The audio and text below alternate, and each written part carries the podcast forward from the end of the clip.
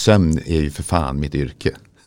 Alltså jag är ju narkosläkare, ja, ja, ja. du kan ju inte släppa det. Det går, du måste, har du, för jag har ju fått min sömn förstörd och jag kan prata om, jag, liksom de här andra Därför jag har gått liksom så mycket jourer. Men du kan skoja till den lite. Ja, ja, det, det vi har ju en sömnexpert här, men, men han har ju lite andra hjälpmedel. Och så finns det en annan mm. sida på det hela. Ja, lite så. Mitt namn är Staffan Gustafsson. Välkommen till Utforska vården med Dr. Mikael.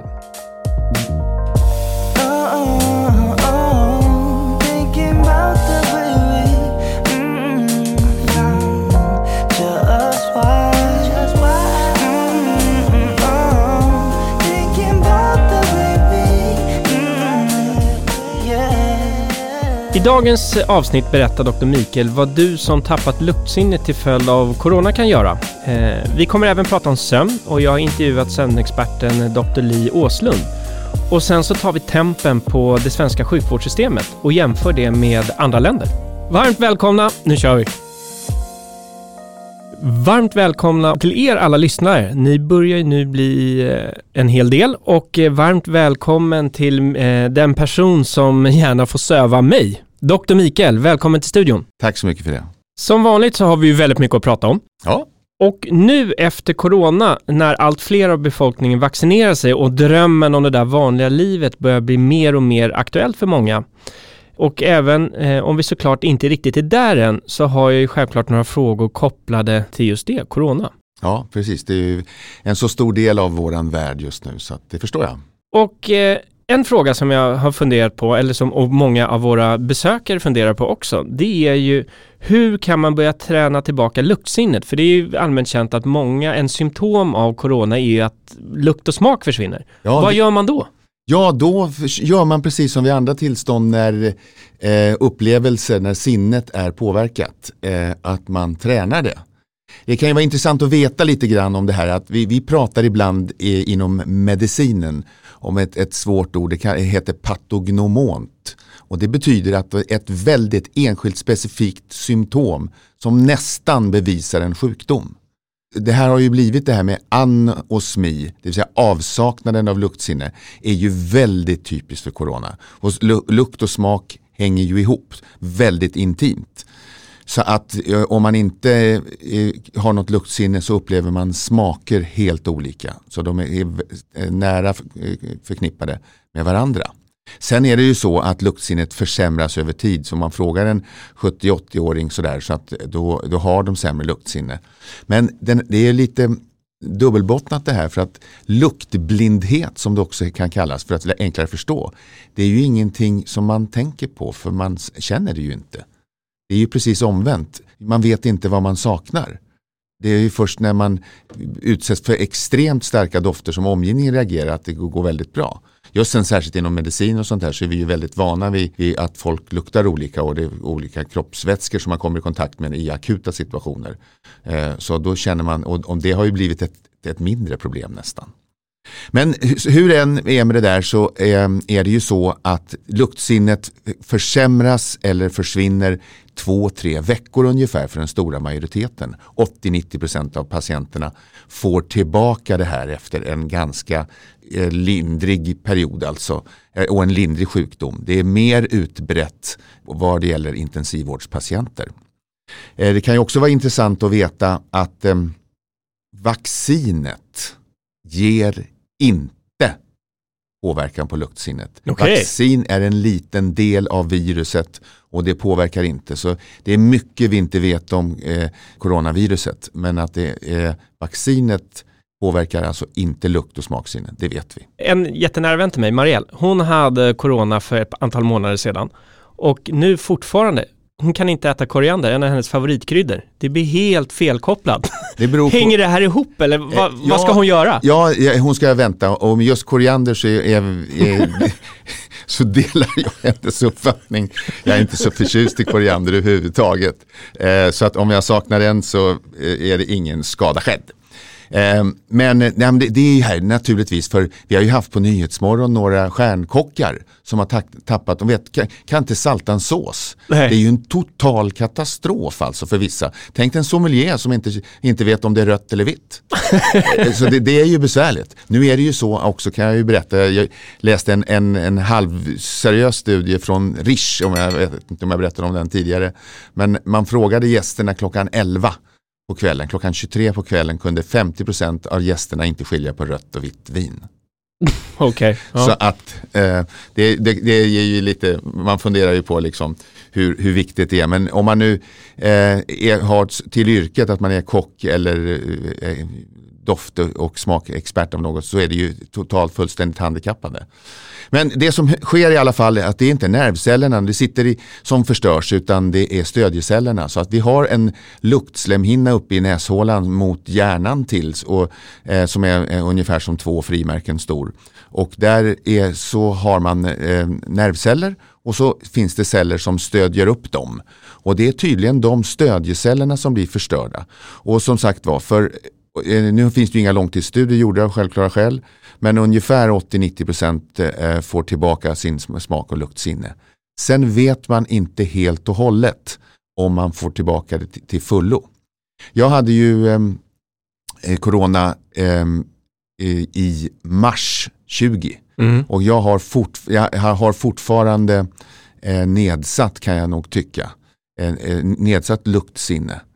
Men det har blivit bättre och bättre. Det var ju väldigt typiskt när man har eh, något som kom väldigt tidigt är lukthallucinationer. Mm. Att man känner något, en, en doft som inte finns, som inte stämmer. Eh, apelsin till exempel luktade det sen när jag la en rökare. och då tänkte jag det där det kan nog inte vara så. Jag tyckte det luktade rätt gott. Det är nästan liksom perverst på något vis. Men eh, så, så, att man, det störs och det är, det är kombinationen. Hjärnan måste hitta det här igen. Och då kommer vi tillbaka på ursprungsfrågan som du ställde. Kan man träna det? Ja det kan man och det bör man göra. Och man, ska, och man kan göra på olika sätt. Det finns ju sådana här olika eh, eh, doftkits, allt ifrån eh, sju eh, dofter till 50. Och det, mm. det, här har man ju på, på in, inom, det vet jag speciellt inom för utbildningen av sommelierer och sånt där. Man, typdofter, hur, mm. hur, hur ska de lukta? Och nu behöver man inte rikta in sig på vin men man kan rikta in sig på dofter. Och sen ska man försöka träna. Alltså om vi får en stroke eh, som är en folksjukdom, vi kommer att prata om sen, eh, så eh, får man då olika symptom därför att en del av hjärnans celler dör och då ska de funktionerna tas över av andra celler. Då behöver man träning. Och det är samma sak här. Vi behöver träning. Och då kan man göra det på olika sätt. Och det är ungefär då som, det var någon som berättade för mig att det ungefär beskrev den processen, speciellt med stroke, man trampar nya stigar ja, i nervbanan. Så kan man säga. Ja. Och är, är du ung så är det lättare. Eh, men unga får ju inte, stroke hör ju till, alltså, det är en ålderssjukdom till mm. stor del. Inte till, men det finns ju koagulationsstörningar också men, men eh, till stor del så är det så. Så då är det lite svårare att trampa upp nya vägar. Men det går. Och det, går, och jag, det, det, jag har gjort är, för att det här kan ju tyckas märkligt, man får ta små tricks på det man har. Men jag gillar ju att bada bastu. Mm. Och då köp, har jag köpt essenser. Och en, allt ifrån eukalyptus till citron till honung till kära och sådana här saker. Och så eldar jag på bastun. Eh, så det här kör jag eh, alltså, på seriöst nu, mm. flera gånger i veckan. Eh, för jag badar rätt mycket och har en, en spaavdelning hemma. Så jag, jag har lagt ner krut på det där. Jag tycker mm. det är ballt. Um, och så då kör jag liksom, nu ska det lukta citron. Och då kör jag på den och så andas jag in. Och det, det blir ju så mycket mer, liksom en högre koncentration. Och eh, jag tycker att det har blivit bättre och jag tycker att dofterna har blivit mer precisa. Eh, I början, jag, det har jag hållit på med i flera månader. Mm. I början tyckte jag att det, det, doftade. Men jag kunde inte pinpointa vilken doft. Jag kände bara att det doftade. Men nu är det skillnad på, på, på mint och eukalyptus och kära tycker jag är lätt tycker jag väldigt mycket om för övrigt, doften av det. Och sådär, så att det där är ett sätt att göra. Man måste inte sitta i en bastu. Men, men att träna, att försöka isolera doften och sen förknippa den och komma ihåg den. Eh, det, med all säkerhet så kommer det bli bättre. Så har ni nu problem med doft, eh, med smak. lukt och ja, smak, ja. ut och träna. Ja. Som allt annat. Ja, precis. Härligt. Tack för bra svar. Mm.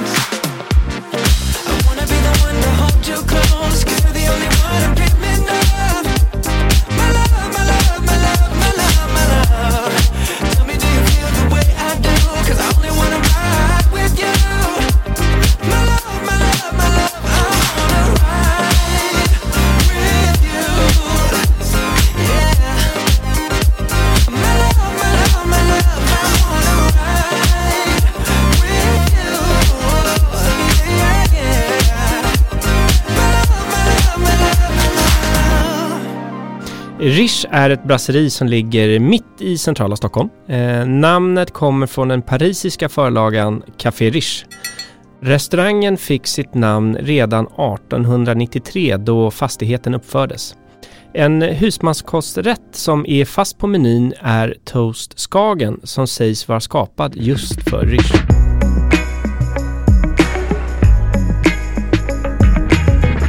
Väldigt många av våra medborgare har ju varit tvungna att uppsöka sjukvård och vissa har legat ganska länge på sjukhus och många till och med legat på IVA. Och eh, hur ska man nu göra när man blir hemskickad? Eh, hur ska man rehabba? Hur ska man träna? Hur ska man tänka nu efter en ganska lång sjukhusvistelse när man kommer hem till hemmet? Ja, äh, det blir ju en lång väg att gå. Eh, landskapet, det här intensivvårdslandskapet har ju förändrats. Det är ju så att vi har en medelvårdtid har det varit för intensivvårdspatienter på en två, tre dygn ungefär. Men sen så när vi, vi har covid-19-patienter eh, så har det där förlängts till kanske 8, 9, 10 dygn. Och då blir det en helt annan problematik.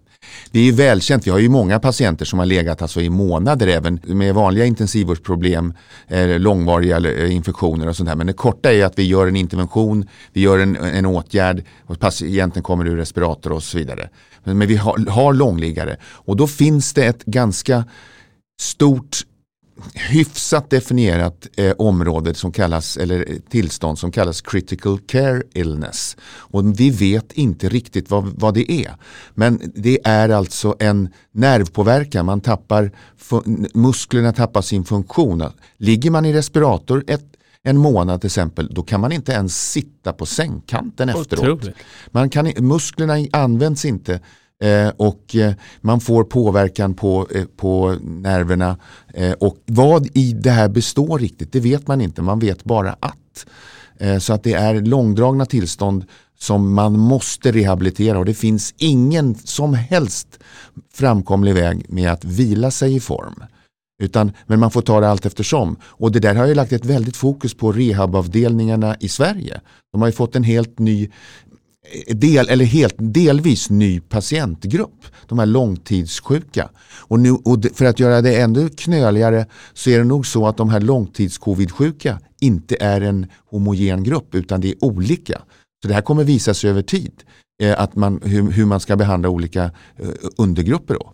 Men det finns ju, vi försöker alltså så tidigt som möjligt aktivera patienter till vi har, när, om någon ligger i respirator och är trackad, det vill säga att man har ett hål på halsen, då kan man vara vaken, då behöver man inte vara sövd. Mm. Och då kan man börja träna med eh, armcykling och vikter redan och, och, man får nog börja med att sätta sig på sängkanten och försöka kissa själv och sådana här saker.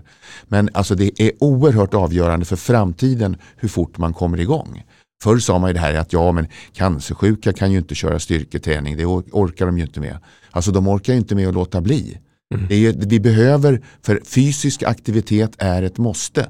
Eh, annars får vi de här långvariga kroniska inflammationstillstånden som bryter ner kroppen. Så att det blir ju en lång väg, man går ju inte från IVA till hemmet. Det är, det är ytterst få patienter som skrivs ut, de finns ju, mm. Eh, förgiftningspatienterna som eh, kan skrivas ut direkt till hemmet. Men de, det är inte en stor grupp, man går till en vanlig avdelning och sen går man till en rehabiliteringsavdelning. Och de är överbelamrade nu och de, de, resurserna kommer inte att räcka till. Så här har vi en utmaning. Men finns det någon tumregel som säger, ponera att du har då legat i respirator en vecka, ungefär hur lång eftervård får man på sjukhuset då? Alltså eh, generellt? Generellt sett så kan man nog, det, det, det rör sig om minst det dubbla i alla fall. Mm. Så att det finns ju, annars är det väldigt eh, få tillstånd precis som går hem eh, direkt. Jag skulle kunna berätta om ett kul tillstånd. Varför inte? Kör! Varför inte? Jag hade, du är nyfiken här. Ja, det, det, här är, ja, det här skulle, skulle man ta under, under, eh, under titeln eh, otacksamhet. Men det var så här för att göra en väldigt lång historia kort. Så var det en man som hade druckit eh, teblå. Han, eh, Låter inget bra. Nej, det var inget. För, för, för, för, sådär, för oss som tänkt klart. Eh, och, och, I alla fall så han blev eh, aggressiv, tog sig på ett tåg eh, och eh, trakasserade alla eh, resenärerna och landade på Lindesbergs lasarett mm. station. Och där tog polisen hand om honom och där fick han andningsstillestånd för då hade det hade gått ytterligare några minuter. Mm. Och då eh, kräktes han eh, bajsade på sig, kissade på sig, blev medvetslös, fick andningsstillestånd, fick hjärtstillestånd. Jag la honom i respirator. Eh, vi tvättade hans kläder, vi duschade honom, han låg i respirator hela natten. På morgonen så fick jag ögonkontakt, han vaknade, allt var bra. Jag tar bort hans slang i halsen och ler mot honom. Då säger han utan ens att hosta, vad flinar du bort pepparkaksjävel? jag var rätt solbränd och hade kommit tillbaka från en Thailandsresa och rädda livet på den här killen. Och svaret blev, tacken blev, vad flinar du åt pepparkaksjävel? Otack är världens lön, ja, vad säger man? Ja, men vi, vi, vi, behandlar ju alla patienter ändå oavsett, men det, det var lite tråkigt tyckte jag. Mm. Han skrevs ut direkt i hemmet kan jag lova. Mm. Ingen jävel ville ha med honom att göra. Men det känns då ändå ganska tryggt att det finns bra processer för att fånga upp de här personerna som har varit tvungna att ligga på sjukhus under en längre tid. Ja, ja precis. Men jag tror det finns, väl, som sagt var, det finns mycket kvar att göra och det här kommer bli, det är många långvariga tillstånd som kommer följa den här pandemin. Mm.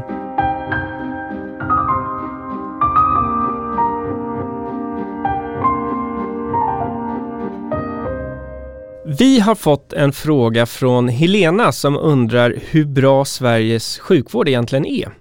Så jag har helt fräckt eh, skickat den frågan till dig Dr. Mikael. Eh, har vi världens bästa sjukvård och hur bedömer man ett lands sjukvård, hur bra den egentligen är? Eh, nej, vi kan inte säga att vi har, slå oss för bröstet och säga att vi har världens bästa sjukvård. Men vi har delar av den som är riktigt, riktigt bra och ligger i topp i världen. Sen är det som man frågar får man svar. Det här med statistik är oerhört komplicerat.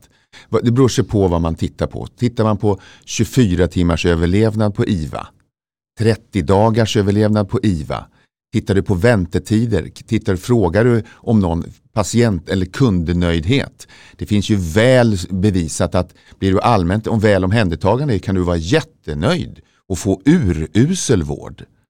Eh, och det, det, märker man ju själv om du ger perfekt vård och en, och en sur grinig doktor rankas lågt. Eh, och, och, och är glad och, och, trevlig och följer upp och hälsar och är all, så, så blir folk jättenöjda även om du inte har en aning om vad du håller på med uppvakningsavdelningen, postop. Det lasarett där jag jobbade fick alltid tio i, det var det bästa som fanns. Det var taskiga lokaler, det var inga fönster, det var fönster högt uppe eh, och trångt på toaletten. Och personalen var så jävla trevlig. Mm. Eh, och det, de fick alltid tipptopp och det, det, var väldigt personbundet. Men kan man säga då att det här är bra vård? Alltså det var bra vård på det hela taget men var den världsbäst vet vi ingenting om. Så det är svårt att prata om den. Eh, jag har varit i Malaysia, jag har varit i Thailand, jag har varit i USA. Jag har sett vård som är bra. Men det är, den är inte tillgänglig för alla. Mm. Så det är lite svårt att svara på frågan. Men vi har delar av våran vård är i världsklass. Till exempel då om man ska ta några saker så är det behandling av bröstcancer, eh, hjärtinfarktvård. Där ligger vi i, i topp i världen. Och väldigt låg barndödlighet va? Och ja, absolut, det är bra att du säger det. För det har, det har mätts, det har vi nog, eh, spädbarnsdödlighet har varit bland de lägsta i, i 50 år. Mm. Så att det är någonting som vi har varit bra på. Det har varit under eh, 1% dödlighet.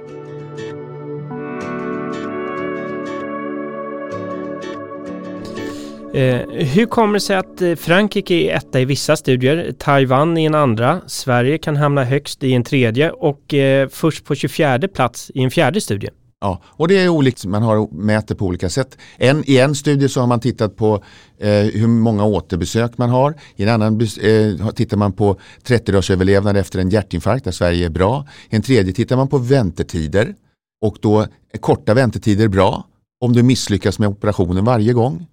Alltså det är inte givet att bara för att du får in höften, den kastar in höften på tre timmar och kort, kortast operationstid. Det är inte säkert att det är ett kvalitetsmått.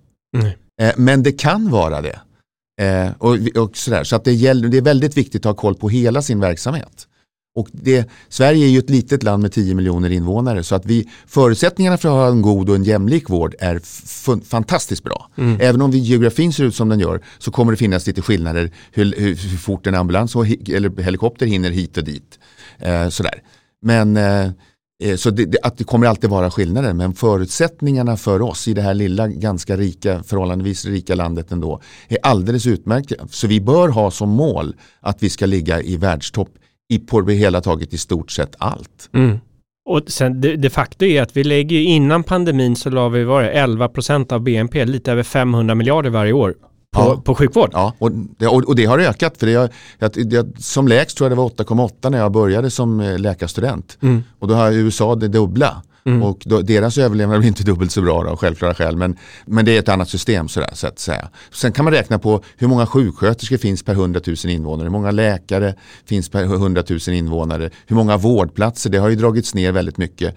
Eh, Frankrike som du nämnde har väl dubbelt så många per 100 000 till exempel. Okay, ja. och, och, då uppfattas det det, det, är en trygghet att veta att man får plats. Mm. Eh, just som vi nu är mitt i, i brinnande pandemi så, så lägger ju många intensivvårdsläkare ner mycket tid på att jaga plats mm. på ett annat sjukhus, inte på att vårda. Mm. Och, och, då kan man tycka att det blir lite fel.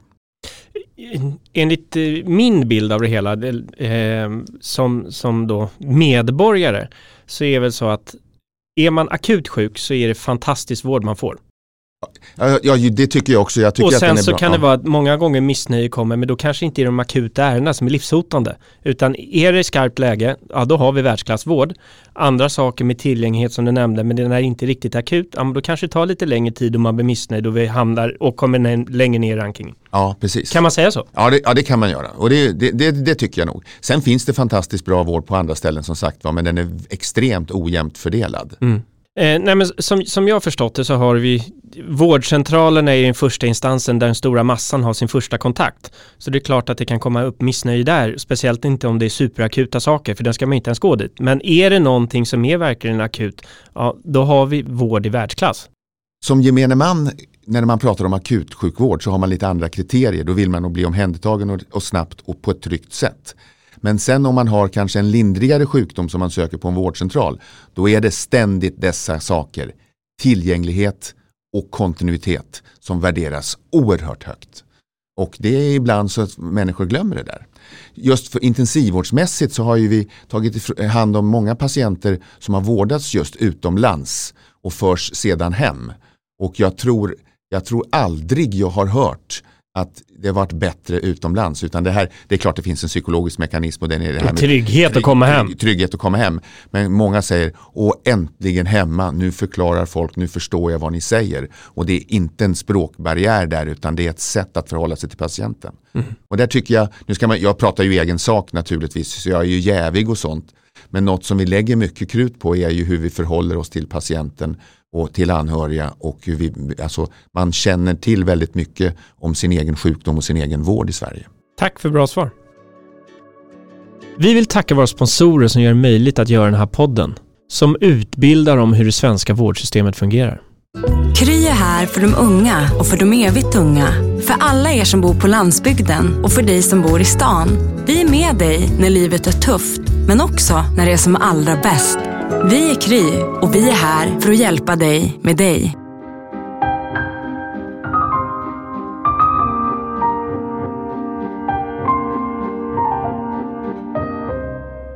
Eh, nu ska vi gå vidare i programmet och eh, tala om sömn och kanske inte riktigt sån sömn som du brukar ordinera. Nej, precis. Nu är det dags att vakna till lite här så att eh, nu blir det lite annat. Jo, Dr. Mikael, Ja. Eh, det här kan jag relatera till mig själv ibland också. I perioder så har jag svårt att eh, sova. Vilket leder till att jag ligger och snurrar som en torktumlare. Man blir varmare efter varje varv som går. Eh, och det tror jag de flesta av, många av våra lyssnare kan relatera till också. Och det är kanske så att man ligger och oroar sig för saker eller att nu kommer jag inte kunna somna och man speedar upp det helt enkelt. Är det farligt att sova för lite? Ja, det är det. I det långa loppet eh, så är det farligt. Då blir det eh, alltifrån eh, utmattningssyndrom till eh, olika tillstånd eller depressioner och sånt där. Eh, och eh, det, det, här är ju väl testat på, i synnerhet i krig och på soldater. När man, och, eller ja, tyvärr under eh, utfrågningar och tortyr och sånt här så vet man att bland det värsta eh, som kan hända är att vara utan sömn. Man får ju en cirkulationskollaps efter tre, fyra dygn så kan man framkalla att man alltså dör av det. Otroligt. Ja. Så att det där känner man. Sen så en natt eh, kan man ju sova tillbaka hyfsat. Eh, det finns ju, vi vet ganska väl vad vi behöver, 7-8 timmar ungefär för en vuxen person och mer för eh, barn och tonåringar. Men ingen behöver ju mer, alltså spädbarn undantagna nu då, men ingen behöver ju mer än 12 utan då, då räcker det. Men då blir jag lite nyfiken. Det finns ju historiska kända personer, högpresterade. Du har Margaret Thatcher, du har Ja. Churchill och gänget som säger att fyra timmars sömn, that's it. Skitsnack. Det är lite, Ja, ja, det, De, de, de byggde sin egen myt där. Ja, precis. Men för en, en natt kan man nog hämta tillbaka på, eh, säg att du sover väldigt lite, bara några timmar, eh, så kan du eh, nästa natt så kommer du sova lite djupare och lite längre. Om det är någonting som jag tycker att jag har lite på fötterna så är det detta. Jag har gått 2500 jourdygn. Det är sju år liksom på sjukhus kontinuerligt arbetandes med sökare som, med, som larm för hjärtlarm och sånt där så man måste bryta sömnen. Och det har ju eh, liksom nog stört min sömn. Jag är väldigt bra på att somna. Eh, men jag är dålig på att sova länge och det, eh, nu jobbar jag inte på det här sättet längre men jag har fortfarande en ganska fragmenterad sömn. Det, har de, det har de flesta. Har du mätt din sömn någon gång? Det finns ju massa appar och grejer. Ja, nej det, det, det har jag inte gjort. Men jag, eh, inte, på, inte i något sömnlabb och sånt där. Däremot så vet jag ju väl från andra personer som har då eh, varit på sömnlabb. Jag vet inte hur många gånger jag har hört. Jag sov inte en blund säger då patienten. Ja men vi har ju spelat in video, vi har ju flera timmar när du har sovit. Eh, och man har inte uppfattat det. Man har tror sig ha varit vaken hela tiden. Eller jag sover bara fyra timmar. Ja, precis. Så att, nej, sömn är någonting vi ska vårda eh, och eh, försöka verkligen eh, lägga oss vinn om att vi, vi har en ostörd sömn. Och det finns ju olika sätt på att, att göra det. Men eh, som sagt, det, blir, det är väldigt dåligt att, ehm, eh, att, att göra avkall på det där. Sen är det ganska spännande att veta att det finns nästintill inga primära sömnproblem alls. Och med detta menar jag alltså att det är inte så att allt är bra och jag sover dåligt. Utan i 95% av fallen, kanske me- mer, så finns det en underliggande orsak. Och väldigt många gånger så vet patienten om den också. Jag, jag känner mig träffad där själv direkt och Ja. i mitt fall så är det ju stress. Ja, och Nej, det finns olika hjärnan stress. går på högvarv Och det går på högvarv. Man kan inte, så problemet är inte att man jobbar mycket och att man är stressad. Det är inte det som är ditt problem. Det är bristen på återhämtning Mm. Som är problemet. Är vi tillbaka vid den här träningen igen? Ja, ja. Men som sagt, så finns det många, sen finns det enkla trick, tricks och jag, jag har, det, skulle jag ge ett sömntips så jag, har, jag kan ge, ge några stycken faktiskt som jag tycker är riktigt bra. Eftersom powernappen är fantastiskt bra. 20-30 minuter, det, där man fokus på somna, inte sova. Då kan man göra någonting, då kan, funkar man några timmar till. Tro mig, jag har prövat. Och sen så kan jag, kan jag inte tycka att yrkeschaufförer ska ha det här som ett system för det blir för farligt och då ska man ha reglerade arbetstider och sånt där. Fine, det säger jag ingenting om. Men om jag är trött när jag kör bil, då stannar jag och sover en kvart, 30 minuter och, och ostört någonstans. Och sen så kan jag, om man nu ska köra lite till, så är det den första korta tiden som ger störst återhämtning. Och det är någonting som är, powernappen är bra. Den är prestationshöjande. Sen ska man inte bygga tillvaron på den, men den är bra att ta till. Eh, det, det tycker jag absolut. Och om man, om man nu har problem med sömnen, när ska varningsklockorna börja ringa? Hur, när börjar det bli ett problem från att det blir bara några engångs... Alltså om du en, mer än en månads tid vaknar och inte är utsövd, då, då har du problem. Jag har ett bra tips till. Ja men kör! Så kan vi köra på det? Ja, ja, ja, absolut. Det, det här är någonting, apropå stressen. Ja. Och för i- imorgon ska jag dit och då ska jag boka en och sen är det lunchen och sen ska jag träffa en ny och sen ska jag anställa någon. Sen kommer en patient och sen så kommer anhöriga och det där vet jag inte hur det ska bli. Och, och mäklaren har sagt och pengarna är slut. Och du glömde tvätten och hämta på fotbollen. Ja, just det. Gör en lista. Mm. Skriv det. Och det här det är, och det, det är inget lurendrejeri. Du tar dina tankar, skriver ner dem, hämta, släng, kör bilen, besiktiga vad du nu ska göra. Så skriver du ner fem, sex punkter. Det här ska jag göra imorgon. Så lägger du den åt sidan. För många funkar det hur bra som helst. För det hjälper inte att du tänker på det hela natten. Du har förflyttat det från hjärnan till pappret och säger att okej, nu glömmer jag ingen, jag har de här. Mm. Jag är orolig, men jag, har, jag kommer inte missa någonting för jag har lagt den här listan. Det hjälper jättebra. Så att eh, man kan säga som så att Dr. Mikael ordinerar gör en to-do. Ja. Flyttar Ja. från tanken till pappret Ja. så får du lite bättre ro. Absolut. Bra, tack. Det ska jag faktiskt prova själv. Mm. Eh, en annan fråga som jag fått in, det är ju eh, vad är det som gör att man sover sämre när man kanske har varit på kalas eller druckit alkohol? Eh, ja, det är att du kommer inte ner, du får inte de här djupsömnperioderna. Det kan ju bli lika eh, länge, man går, säg att man går och lägger sig klockan ett och så ligger man hela, så sover man tio timmar även. Men det är sämre kvalitet på den sömnen och man har inte lika många djupsömn. Den är oroligare Så att det, kvaliteten är sämre på grund av att alkohol är ju ett, Det är ett ju- gift Det är ju ett gift. Alltså, Ja. sådär. Så, att, så är det.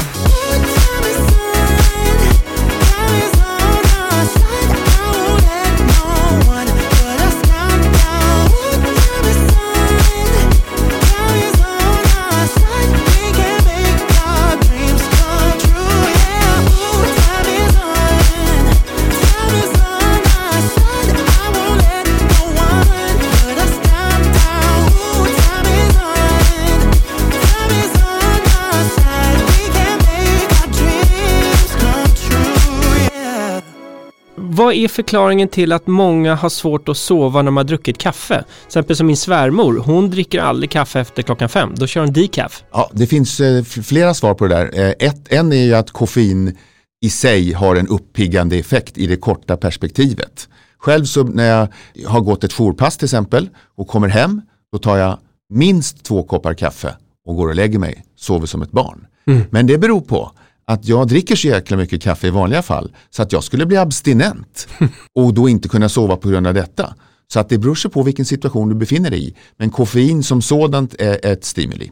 Okej, men då kan det vara så lite att i vissa fall att man dricker en kaffe på kvällen, det är inte kanske det som gör, utan det är att man sätter igång sin tankebana och associerar sin problem med att sova till just kaffet man har tagit, eller? Ja, alltså om du har dricker kaffe klockan 17 och har svårt att sova 23. Nej, det tror jag inte på. Okej, det är bra. Jo, Dr. Mikael, jag tänkte på en sak. Nu har, nu har vi pratat om sömn här. Ja, Men det här läskiga rycket, eh, precis som man får när man håller på att somna. Vad är det?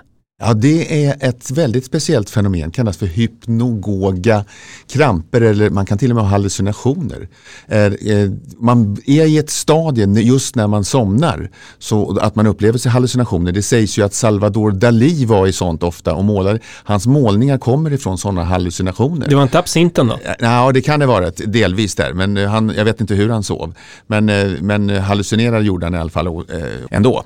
Eh, Men eh, det beror nog på att inte hela hjärnan somnar samtidigt.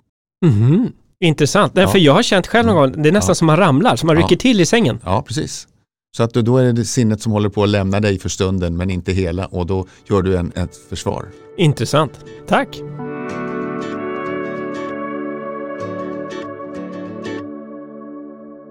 När skulle du säga att det är läge att ta sömnmedicin? Och finns det några negativa aspekter kring det här? Ja, det gör det absolut. Det finns ju en hel del beroendeproblematik i de bra sömntabletterna. Sen får man skilja på, får man reda lite i det här.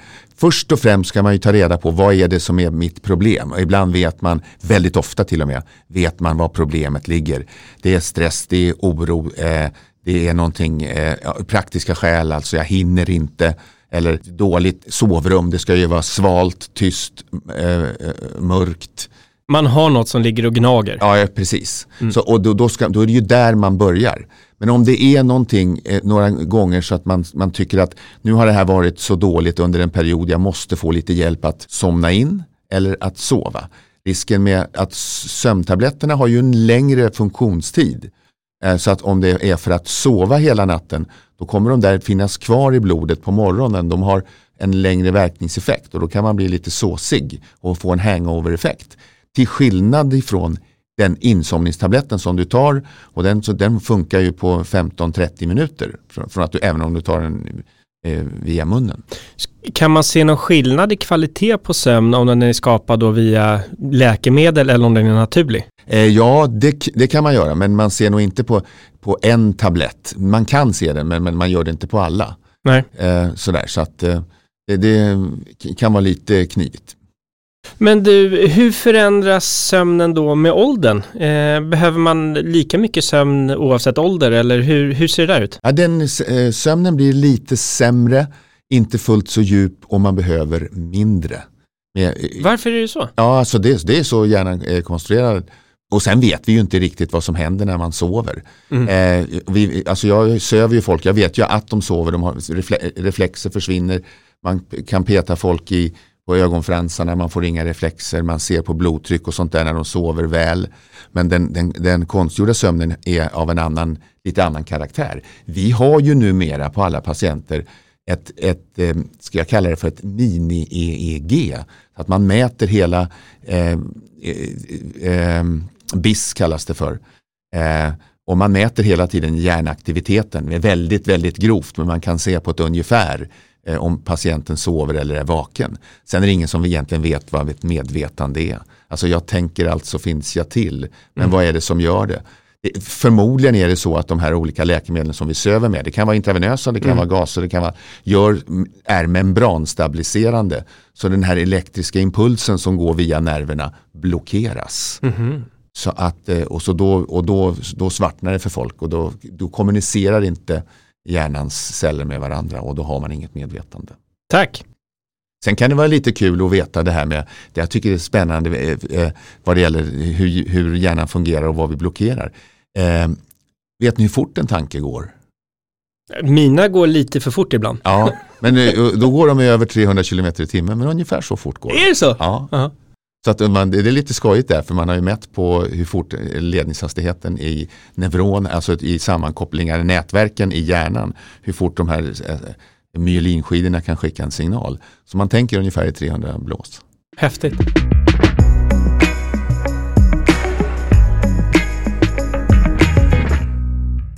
Nu har vi fått en eh, ny gäst in i studion och det är Li Åslund som är legitimerad psykolog och hon har en bakgrund inom barn och ungdomspsykiatrin, BUP.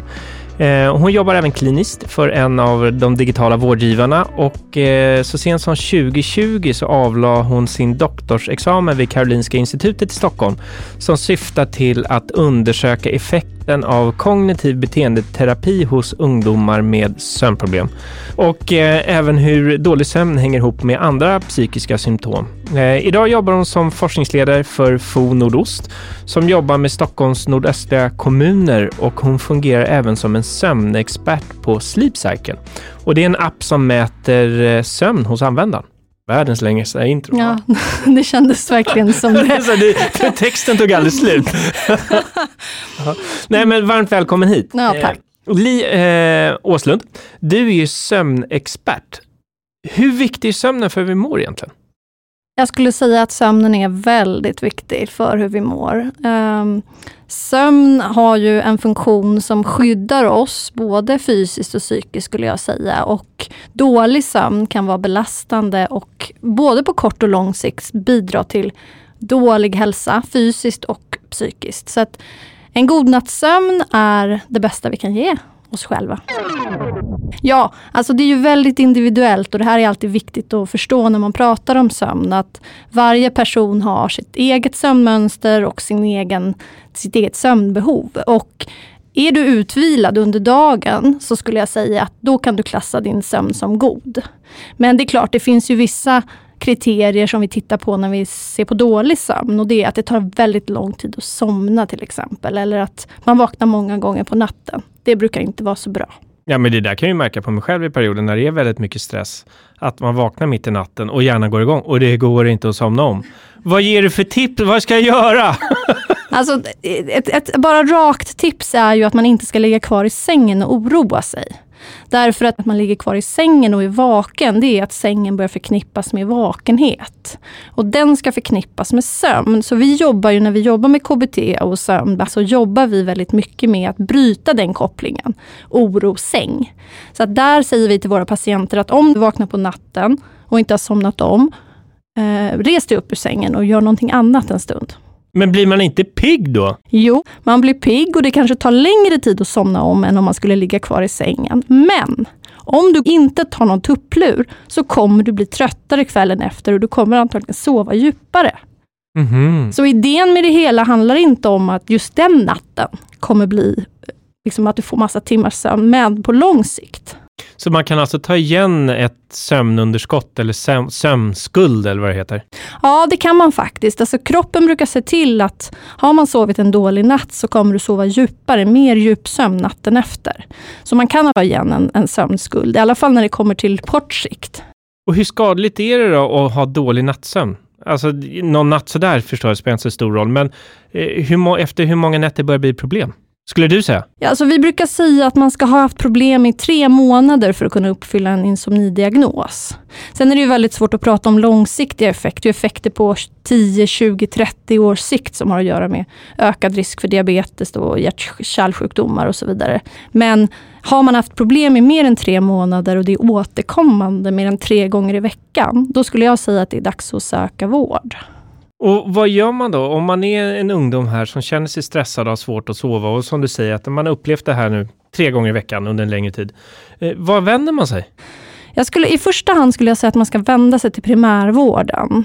Alltså sin husläkare eller ja, en primärvårdsmottagning. Får göra en bedömning och som kan vid behov då erbjuda till exempel KBT-behandling. Och Det gäller där att man hittar en mottagning som har psykologer tillgängliga, tänker jag. Eftersom annars är risken att man erbjuds medicin i första hand. Mm. Vilket är synd. Vi har sett att korttidseffekterna av KBT är likvärdiga medicinsk behandling, men långtidseffekterna är bättre. Mm, för KBT. Intressant. Mm, det finns verkligen någonting bra med att man får psykologhjälp. Säger jag som psykolog, jag är kanske lite ja, nej, partisk, men... men, eh, men det, det, låter ju som sunt förnuft att kan man undvika medicinering så är väl Ja, det är väl inte så mycket ord om egentligen. Nej, precis. Jag tänker också att det finns en, en, en inlärningseffekt som man sen gör att man, får man problem längre fram i livet, då vet man hur man ska göra. Så att då har man liksom med sig det i, i bakfickan resten av livet. Och det kan ju vara bra för en ungdom att, att ta med sig ut i världen. Så gör nu som eh, doktor Åslund säger, att eh, har ni upprepade problem, sök hjälp hos er husläkare. Exakt. Ta det vidare därifrån. Ja, precis. Och se till att de har psykolog. Ja, det är jätteviktigt. Och be om att få en KBT-behandling. Ja, absolut. Ja, fick jag med allting? Ja, du fick det med allting. Ja, bra. Härligt.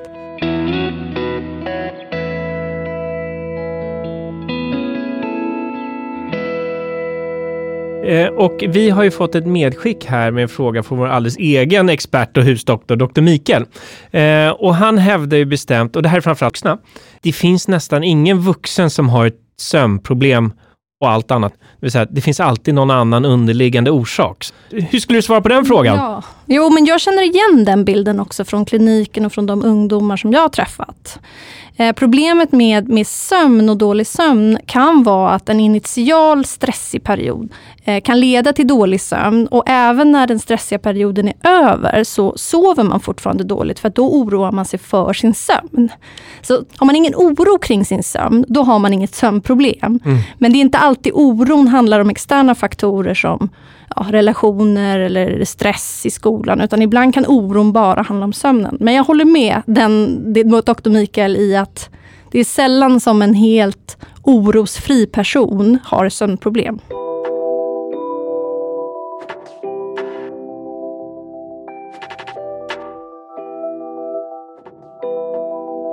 Eh, och din forskning och jobb är ju speciellt ungdomar och sömn som du fokuserar på. Och hur kommer det sig att det är just ungdomar?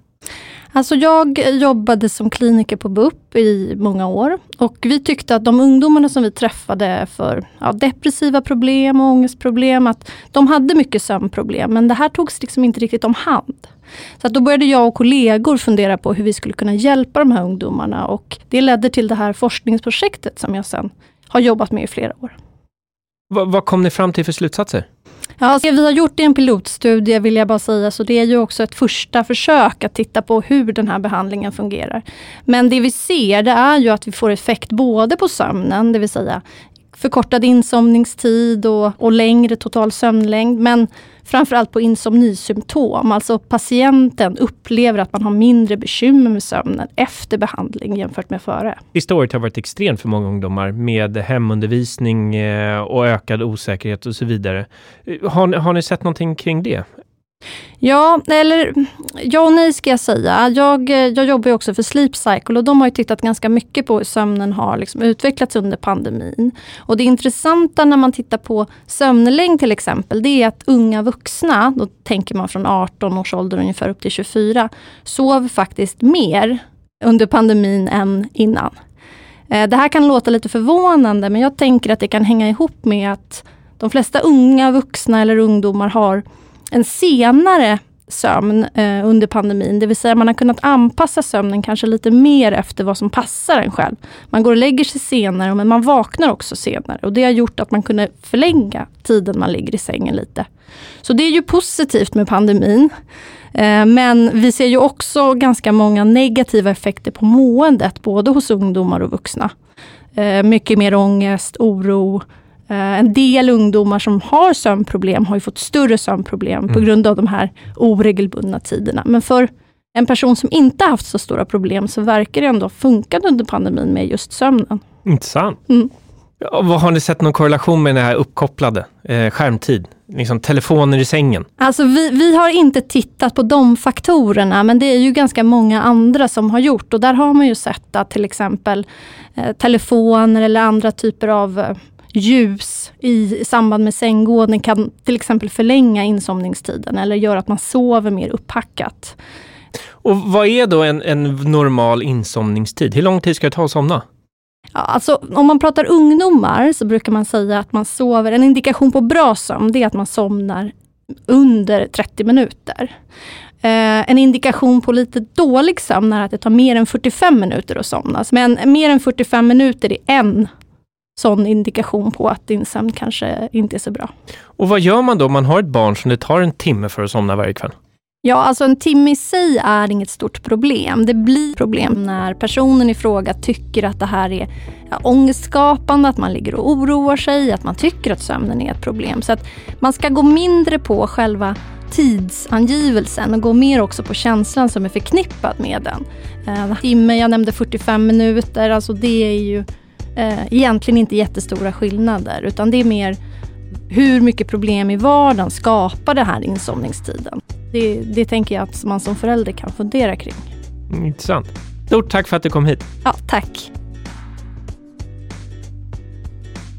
Eh, vårt vårdsystem vore ingenting utan alla dessa vårdgivare.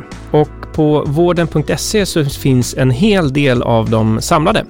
Hela 18 000 faktiskt. Eh, och är det någon vårdgivare som du tycker skulle behöva få lite extra tack, gå in på vården.se och nominera den personen.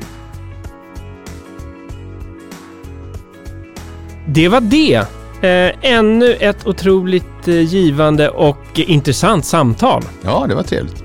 Och eh, tack till alla er lyssnare som hänger med och stort tack till dig Dr. Mikael för att du är just du. Tack så mycket. Ja. Och glöm nu inte, ligger ni där och snurrar på natten och kan inte sova, skriv ner det på papper, lägg det till sidan och få lite god nattsömn. Tack för nu. Tack.